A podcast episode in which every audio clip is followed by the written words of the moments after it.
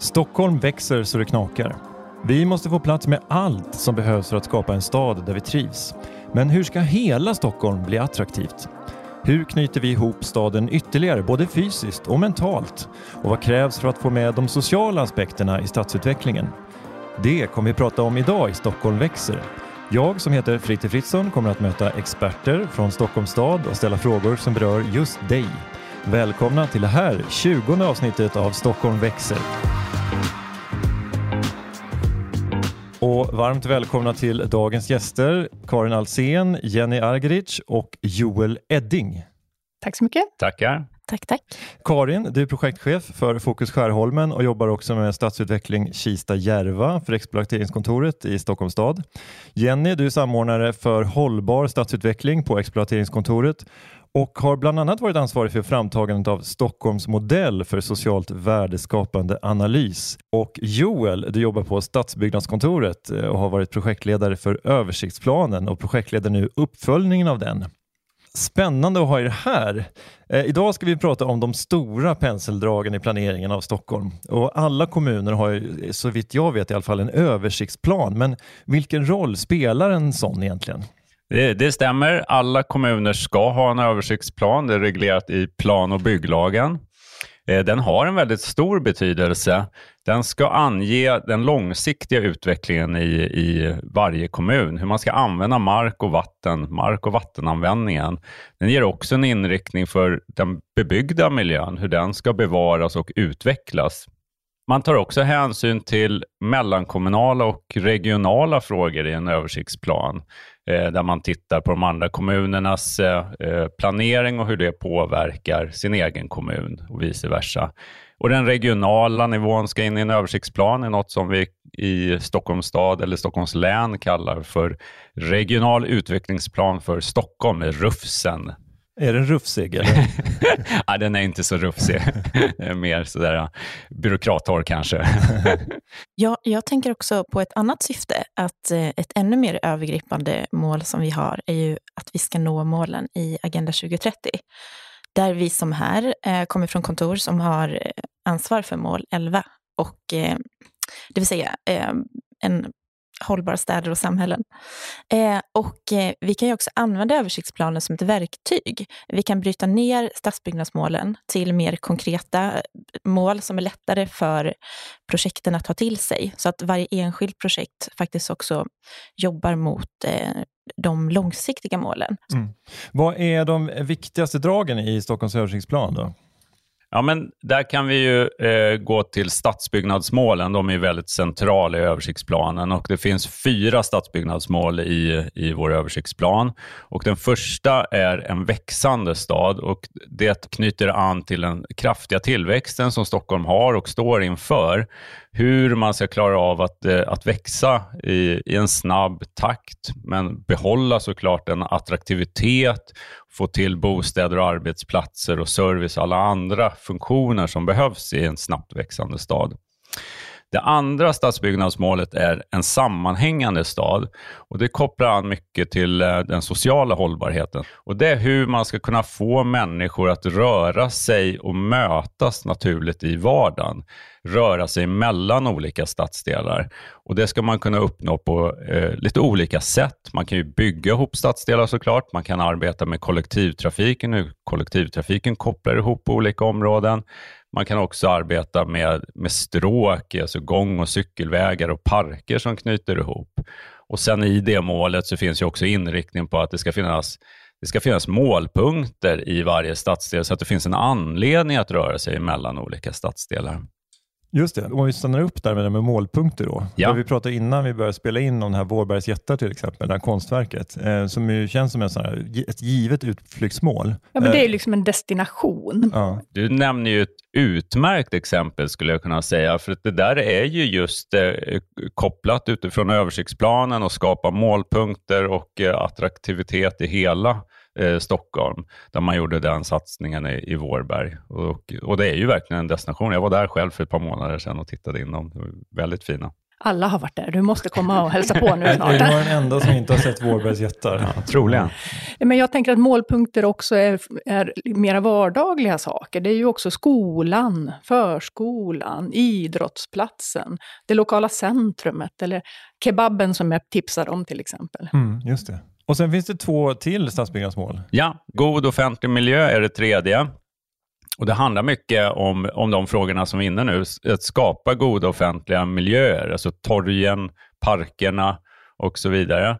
Och I det här målet så finns det också eh, levande stadsmiljöer, de levande lokala centrumen, men också inriktning på en blandning, blandade funktioner, så att det inte är ensidigt med bara bostäder eller bara arbetsplats eller service, utan man blandar de funktionerna.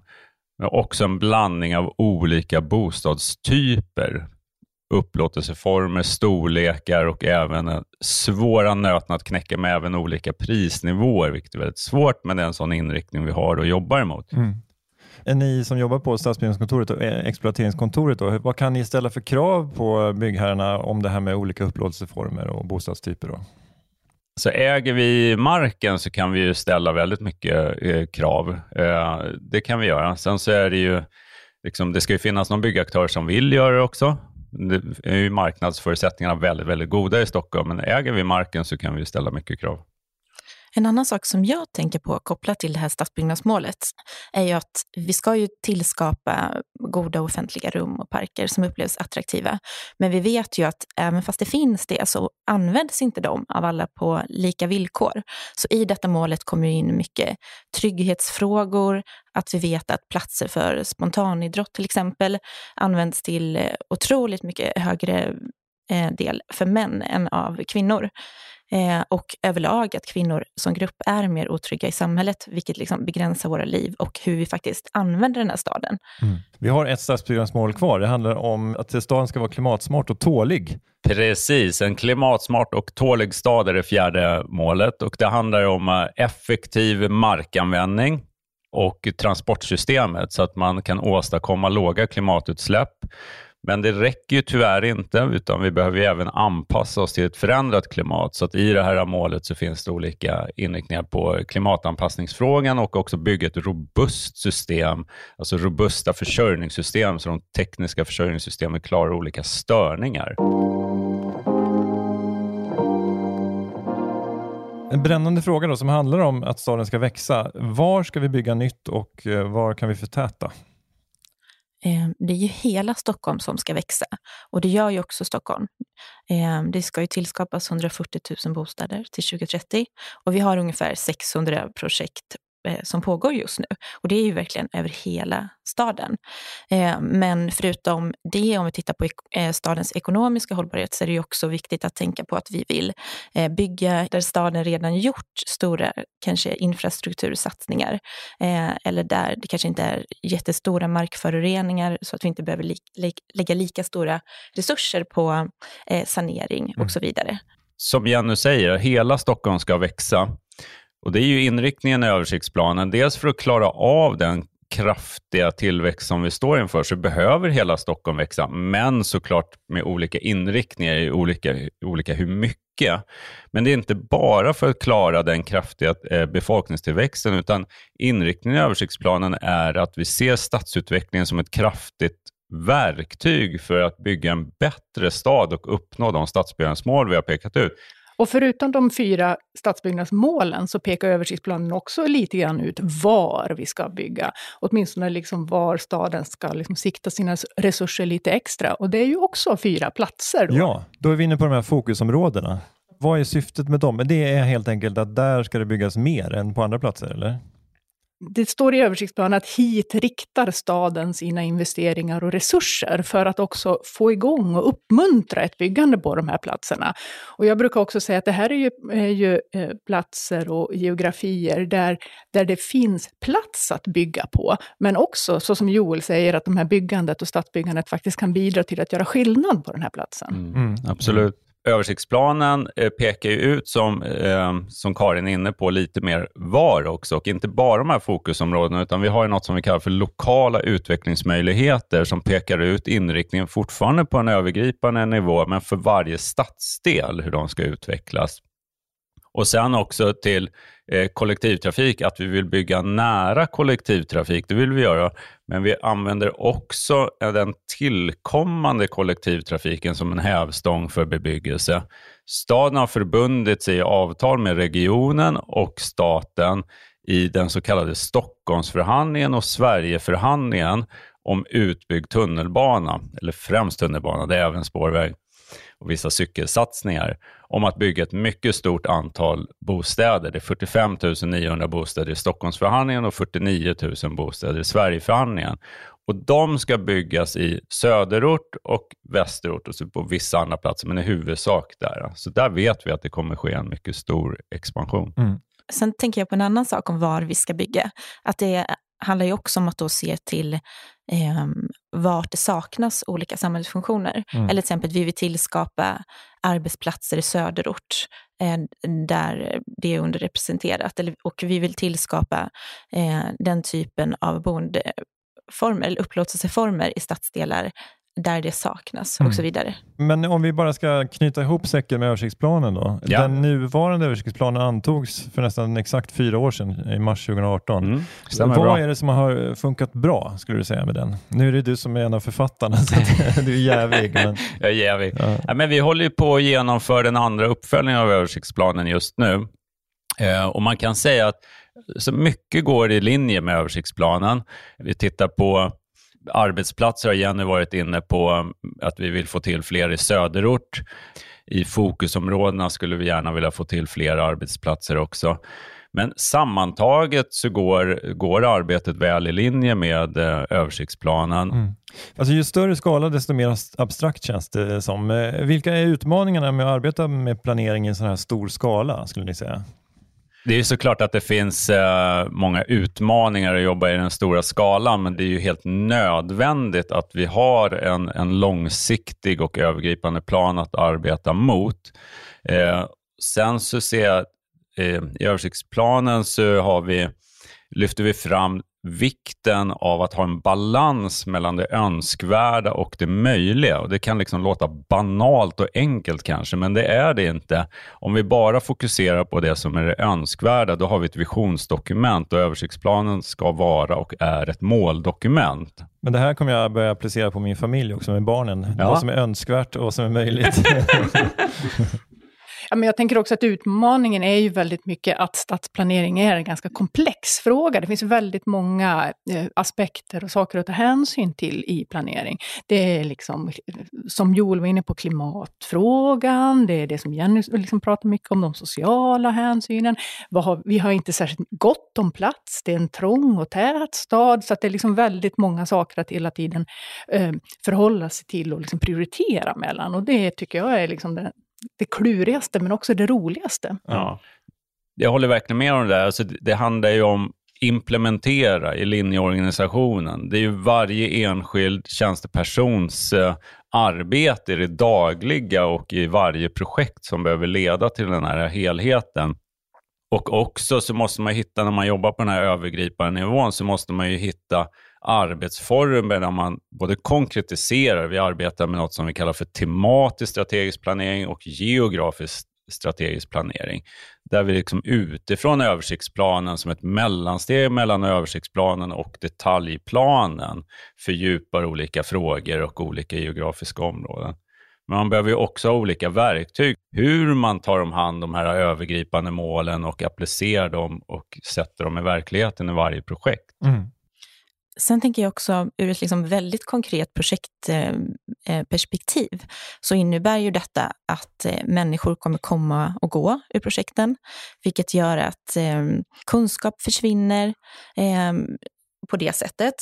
Men sen tänker jag också på att de stora projekten kan se väldigt olika ut. Om vi tittar på Skärholmen, där Karin jobbar, så finns det ju jättemycket mycket befintliga bostäder. Men sen har vi till exempel ett eh, stort stadsutvecklingsprojekt i norra Djurgårdsstaden, där det inte finns lika mycket och där vi har väldigt höga markpriser. Så där är ju en stor utmaning att hur ser vi till att inte skapa en till isolerad ö för höginkomsttagare? Och då kanske man istället kan jobba med att eh, ja, men det vi varit inne på, målpunkter, eh, eh, spännande platser liksom, i de offentliga rummen, så att eh, åtminstone det finns mötesplatser där kanske eh, människor med olika möjligheter kommer från, från hela staden. Men låt oss prata lite mer om Skärholmen då, eh, ja. som ju är ett av fokusområdena. Karin, du som projektchef för Fokus Skärholmen, eh, kan du inte berätta lite mer om vad det innebär? Men Fokus Skärholmen är ju, eh, som vi har pratat om, ett resultat av att översiktsplanen pekar ut platser. Här ska staden liksom sikta sina planeringsresurser och investeringar. Och det är också så som Jenny beskrev här tidigare, att staden också går före med planeringen. Det vill säga att istället för att vänta på byggaktörer och marknadens liksom förslag och idéer och intresse, så gör staden ja, men helt enkelt sätter igång en planering för att skapa intresset och liksom marknaden för den här platsen.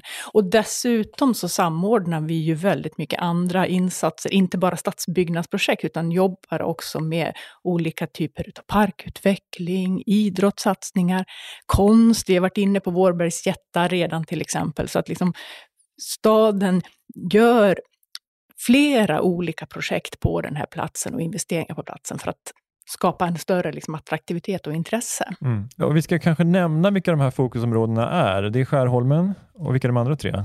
Det är Kista, Järva, det är Hagsätra, Rågsved och det är Farsta. Men varför har just de här fyra områdena valts ut då?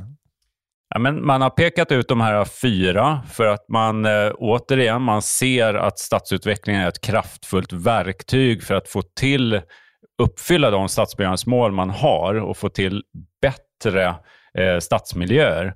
Eh, och i de här områdena så ser man att staden behöver gå före med både planeringsresurser och investeringar för att få till en mer omfattande stadsutveckling än vad som annars skulle vara fallet och därmed kunna uppfylla de målsättningar man har. Men innebär det att, eh, att de här satsningarna på allt det andra då, som inte bara är bostäder, att de är också liksom, blir lite mer fokuserade till de här fokusområdena? Att eh, de, de delar av Stockholm som inte är fokusområden får lite mindre då uppmärksamhet, eller? Ja, men så är det ju. att eh, I stadens investeringsstrategi så är det liksom ett... Om, man då, om den här investeringen är på gång i ett fokusområde så blir det liksom en prioritering. Mm. Det betyder ju inte att inte hela staden får del av stadens investeringar förstås, men att i fokusområdena, dit riktas det liksom lite extra. Och det, det, här är ju jättebra att vi tar upp. För just Fokus Skärholmen är ju ett fokusområde eller profilprojekt för social hållbarhet.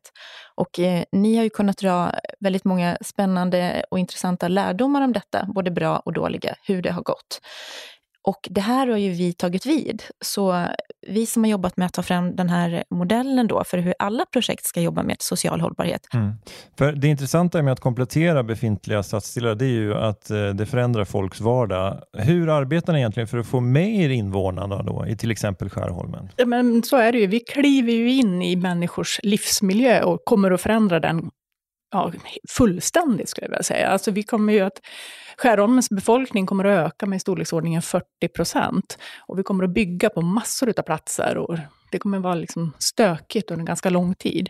Ja, och hur har vi försökt få med oss? Jag tycker det, det är snarare så att vi vill att alla människor i Skärholmen ska veta om att det här pågår. Och man ska också veta om på att man har rätt att påverka och hur man kan göra det. Men det finns ju då in, i PBL inskrivet så att man ska ha samråd och, och, vissa hållpunkter i en planprocess till exempel. Och den, den kan ju kännas lite kommunal. Sen finns det ju många som jobbar med lite mera spännande metoder, participatory ja. planning, eh, nu vet jag inte vad det heter på svenska ens, men någon slags deltagande planering. Medborgardialog. Medborgardialog, ja. men jobbar ni eh, liksom utanför det som krävs av PBL också? Absolut, förstås. Alltså, för själva stadsbyggnadsprojektet så började vi med en tidig dialog. Innan vi ens hade börjat rita någonting alls så hade vi en dialog som heter Bästa platsen. Där Skärholmsborna fick peka ut vilka platser man tyckte allra bäst om och vilka platser man tyckte behövde utvecklas. Och det var ju ett slags liksom kunskapsinhämtande för oss. Eh, och sen har vi ju jobbat också naturligtvis med de här samrådstillfällena till exempel. Eh, det räcker ju med att ha en annons i tidningen och ställa ut på Fleminggatan på Tekniska nämndhuset. Men så har ju vi inte jobbat i Skärholmen, utan vi har ju varit på plats, haft lokal utställning, åkt runt i de lokala centrumen och visat upp projekten, just för att så många som möjligt ska liksom veta att det här pågår. Mm. Men det finns väl alltid en viss initial rädsla för förändring, ja, oavsett om det, blir, om det sen blir till någonting som blir bättre. Ja. Vi har en inriktning i översiktsplanens utbyggnadsstrategi som handlar om värdeskapande kompletteringar. Att man behöver analysera platsen för att se vad som saknas. Och det kan ju mycket väl göras inom den här socialt värdeskapande analys. Och sen ska man försöka tillföra det som saknas eller är underrepresenterat i området så att det inte bara blir tätare utan man kompletterar det. Just det, och det kan handla om tydligare stadsrum eller mer offentlig service eller butiker? Absolut, ja. eller en annan boendeform än vad som finns idag. Ja, men jag skulle också vilja säga så här att genom alltså det här sättet som vi har jobbat i Skärholmen med mycket bredare samråd och vara på plats och så, det ger ju också eh, tillfälle för fler att komma med synpunkter. Och det märker vi att vi får eh, flera olika grupper som kommer till tals och som lämnar synpunkter. Och flera olika perspektiv på stadsutvecklingen. Eh, I ett lite mer normalt förfarande så vet vi ungefär vilken typ av synpunkter vi får. Eh, så att jag tycker att det sättet vi har jobbat på märker vi att vi når helt andra målgrupper och en liksom bredare. Mm. Ett konkret exempel på det här med vad medskapande och utökad dialog kan göra är till exempel i Kärrtorp centrum, som är i närheten av där jag bor. Eh, och där gjordes då, mm, invånarna bjöds in till designworkshops. Eh, alltså workshops där de fick testa sina idéer, de fick komma med synpunkter. Och nu är detta centrum klart, ganska nyligen. Och det var ju då i samband med att det exploaterades för bostäder i närheten eller precis vid Kärrtorps centrum. Och då får ju vi Eh, in pengar som vi återinvesterar i den allmänna platsmarken. Eh, och det här centrumet är klart och jag är med i en Facebookgrupp för Kärrtorp och ser ju att det här är otroligt uppskattat.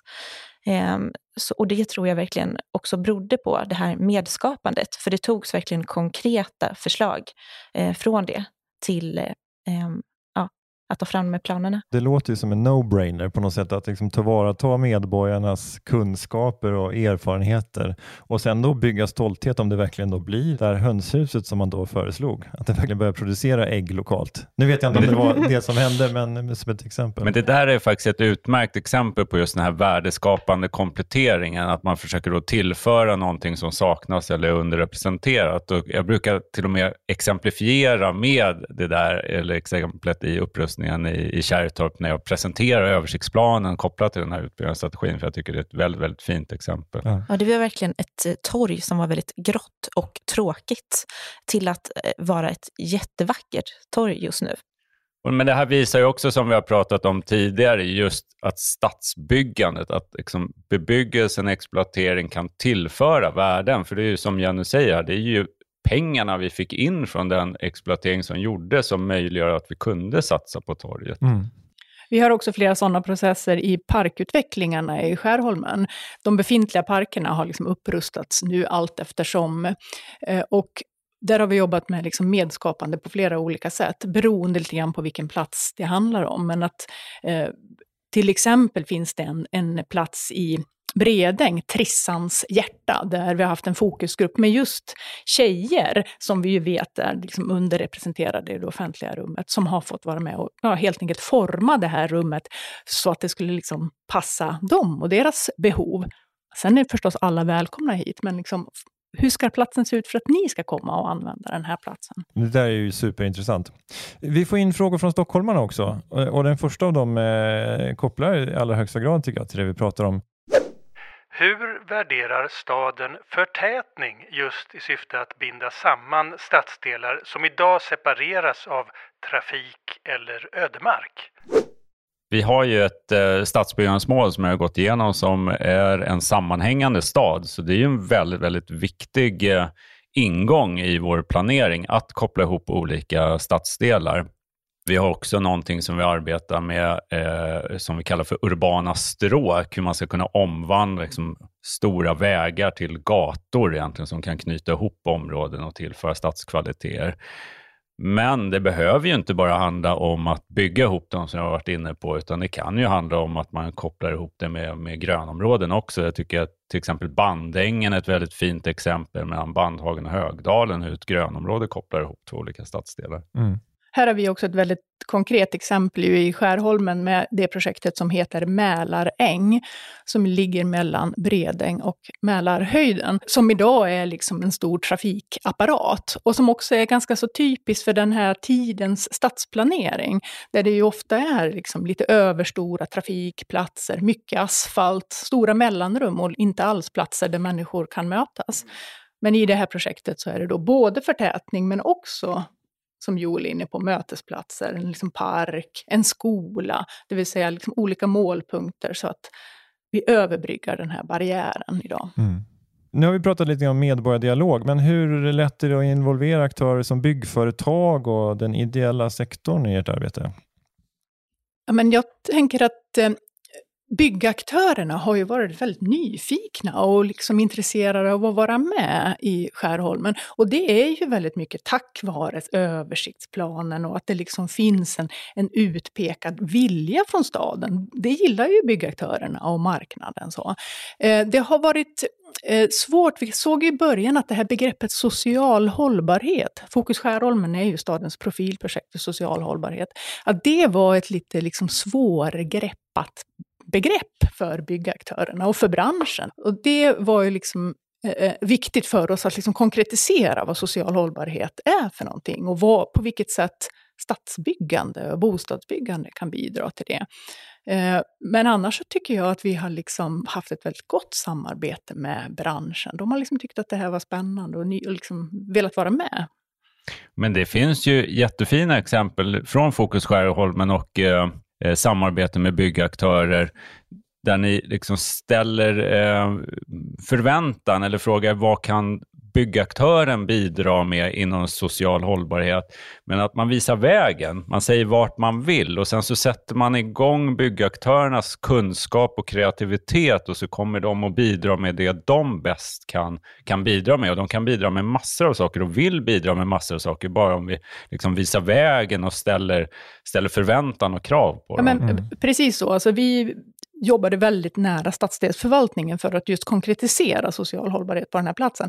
Och när vi då beskrev vilka de lokala behoven på den här platsen är, då kunde byggaktörerna väldigt tydligt svara på den frågan. Till exempel det här med lägenheter med flera rum. Det blir ju väldigt tydligt för byggaktörerna, ja det, det är det som är social hållbarhet. Ja. Mm. Och sen så tänker jag att de har ju också affärsmässiga intressen i detta. De vill ju profilera sig på marknaden. Ehm, så det finns ju jättemånga aspekter av det här och de vill ju också ha fler eh, markanvisningar av staden. Så då vill, ju, då, då vill de ju också visa att de faktiskt gör det här som de har sagt, till exempel till Fokus Skärholmen. Så det finns ehm, många morötter för dem. Vi ska ta en till lyssnarfråga tänkte jag. Vilka funktioner ser staden att de lokala stadskärnorna uppfyller? Och varför är det viktigt att förstärka dem? Levande lokala centrumen är ju jätteviktiga. Eh, det finns ju en mycket tydlig inriktning och som har hängt med under en lång tid inom eh, stadens planering och den översiktliga planeringen. Eh, det är ju att skapa attraktiva, blandade, levande stadsdelar. Och då är ju centrumen en nyckel i det. Utan ett lokalt centrum så är det väldigt, väldigt svårt att få eh, ett levande och attraktivt eh, eh, samhälle. Men det är också så skapar det ju förutsättningar för, för hållbarhet, alltså för hållbara resor och transporter, att man har nära till flera av de olika dagliga eh, funktionerna så att man kan gå och cykla till, eh, till sin service. Det är ju den här närheten till det man behöver i vardagen. Jag brukar säga att eh, mataffär, apotek, frisör och kebab, liksom. det är det man behöver i vardagen. Det. Och, det är det som de här lokala centrumen kan erbjuda. Mm. I de här dialogerna vi hade i Skärholmen så såg vi väldigt tydligt att centrum är de platser som människor uppskattar, det är där man träffar folk, det är liksom viktiga mötesplatser, men det är också platser där människor upplever otrygghet allra mest. Så det är ju viktiga platser att jobba med för att både liksom ha kvar den här servicen och att det liksom är positiva mötesplatser, men också ta hand om den här otrygghetsfrågan. Mm. På samma sätt kan man ju vända på det, att det är ju också en plats eh, där människor som känner igen varandra, alltså för att man vill vara på den här platsen, kan ju eh, höja den mellanmänskliga tilliten och bi bidra till trygghet. Eh, och i en stad, liksom i en eh, eh, perfekt stad som inte är så segregerad, eh, utan där stadsdelar, eh, i mindre stadsdelar består av eh, liksom en blandning av människor med olika bakgrund, så kan ju också centrumen bidra till ökad integration. Mm.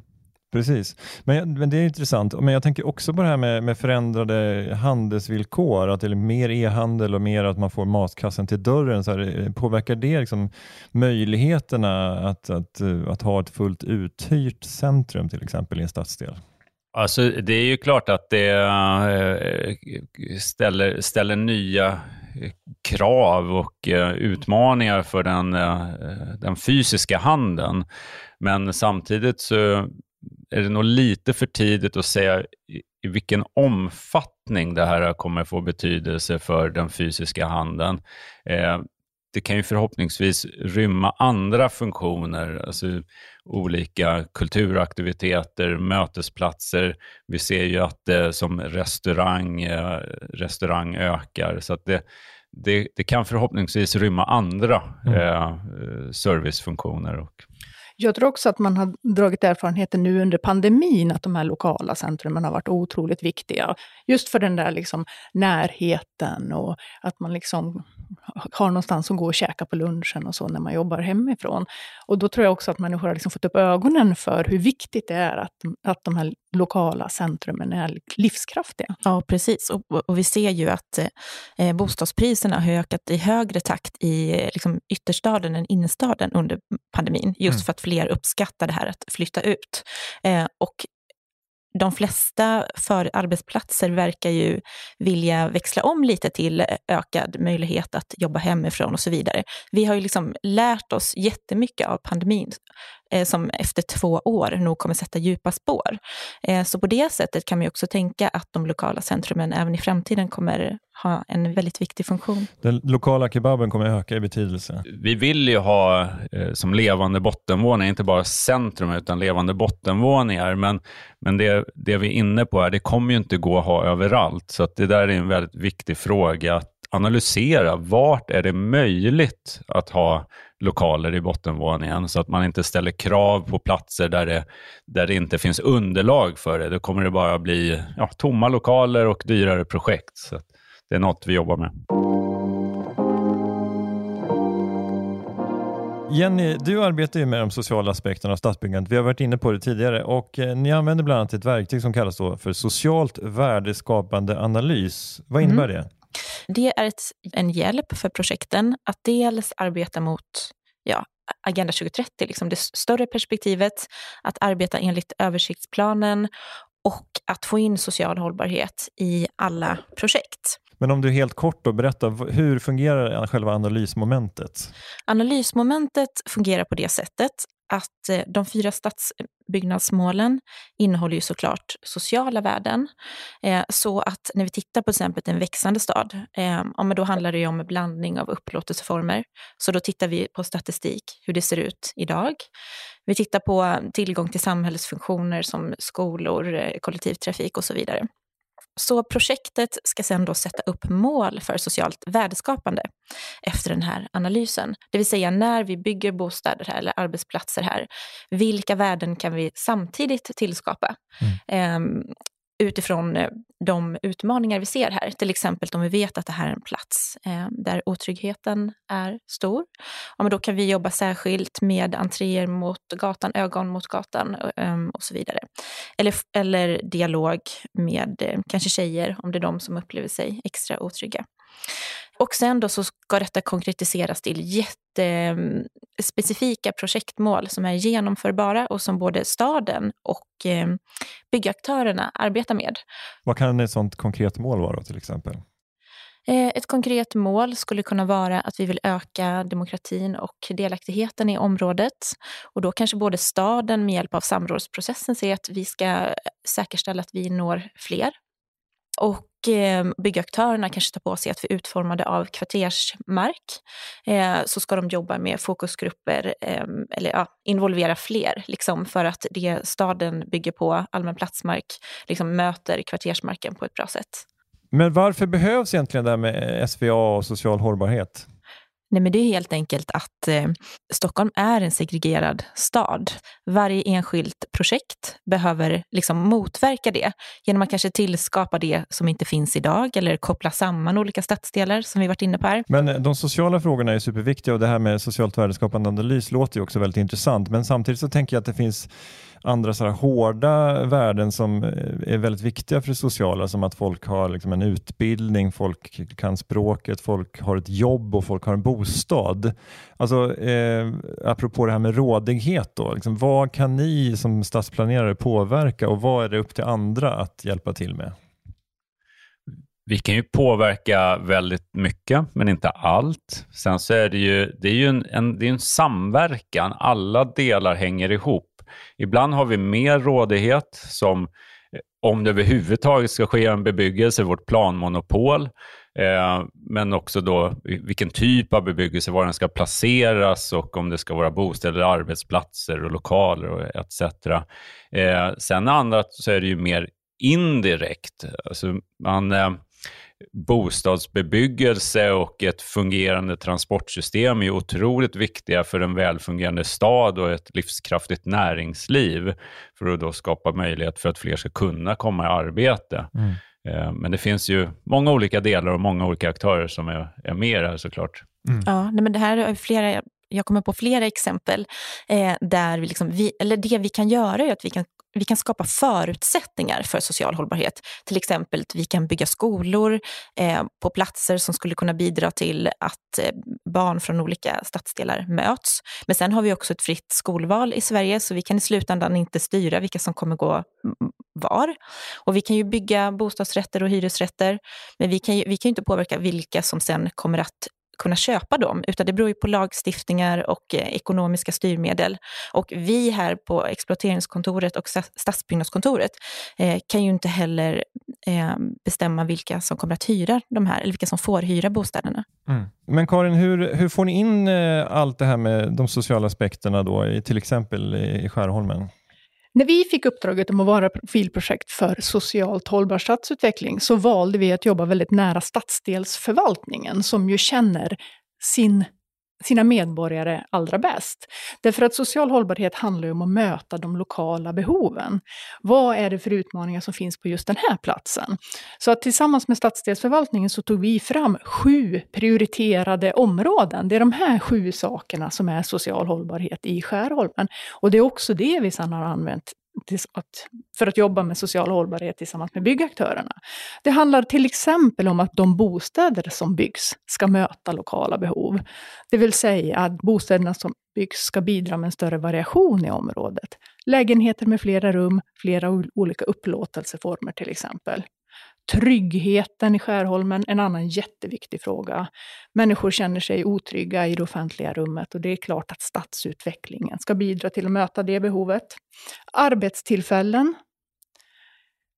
När vi nu planerar, vi bygger, vi ska förvalta en massa bostäder. Det är klart att det skapas arbetstillfällen som kan komma Skärholmsborna till godo. Det är också en sak som vi har efterfrågat hos byggaktörerna. Hur kan ni skapa fler arbetstillfällen för, för Skärholmsborna? Och de andra nycklarna är flickor och kvinnors tillgång till det offentliga rummet.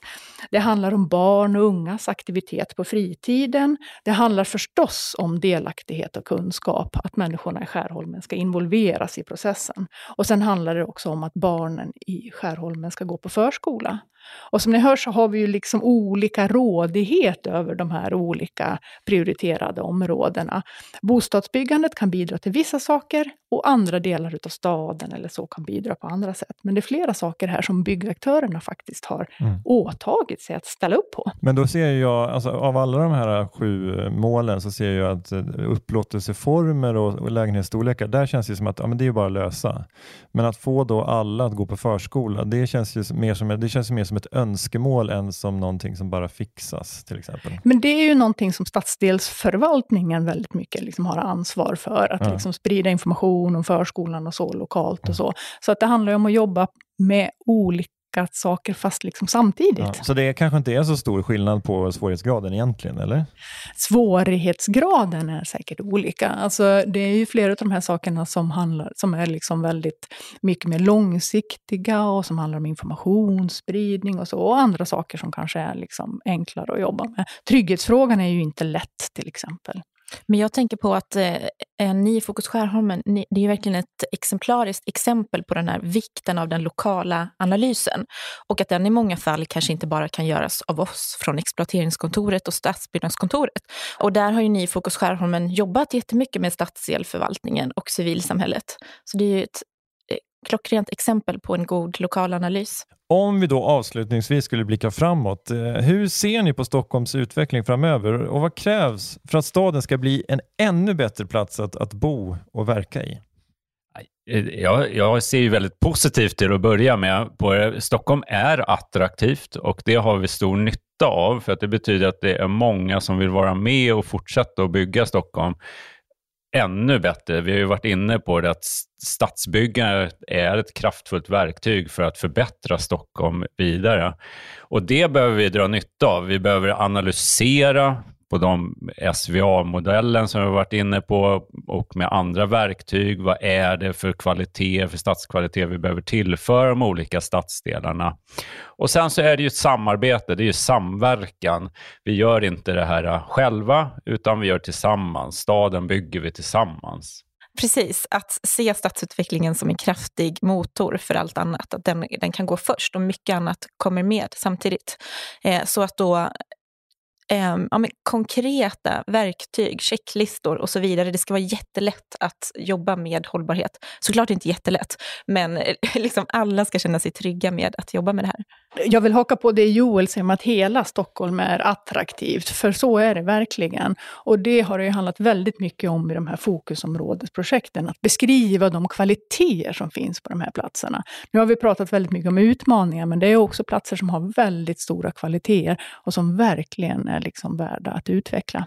Men apropå möjligheter, vi har ju knappt pratat om Mälaren. Eh, alltså hela söderort och västerort eh, ligger ju ligger rätt kingigt till, nära vattnet till exempel. Exakt, det är Ja. ju en av de kvaliteterna som finns i Skärholmen. Stränderna och badplatserna och snart en bastu. Eller hur? Skärholmen fokusområde by the beach. Karin Alsen, Jenny Argric och Joel Edding, tack för att ni ville vara med i Stockholm växer. Tack så mycket. Tack så jättemycket. Stockholm växer är en podcast producerad för Stockholms stad av Blandade budskap och Prime. Jag heter Fritte Fritzson och du hör alla avsnitten, inklusive säsong 1, om du söker på Stockholm växer i din poddspelare. Tack för att du har lyssnat.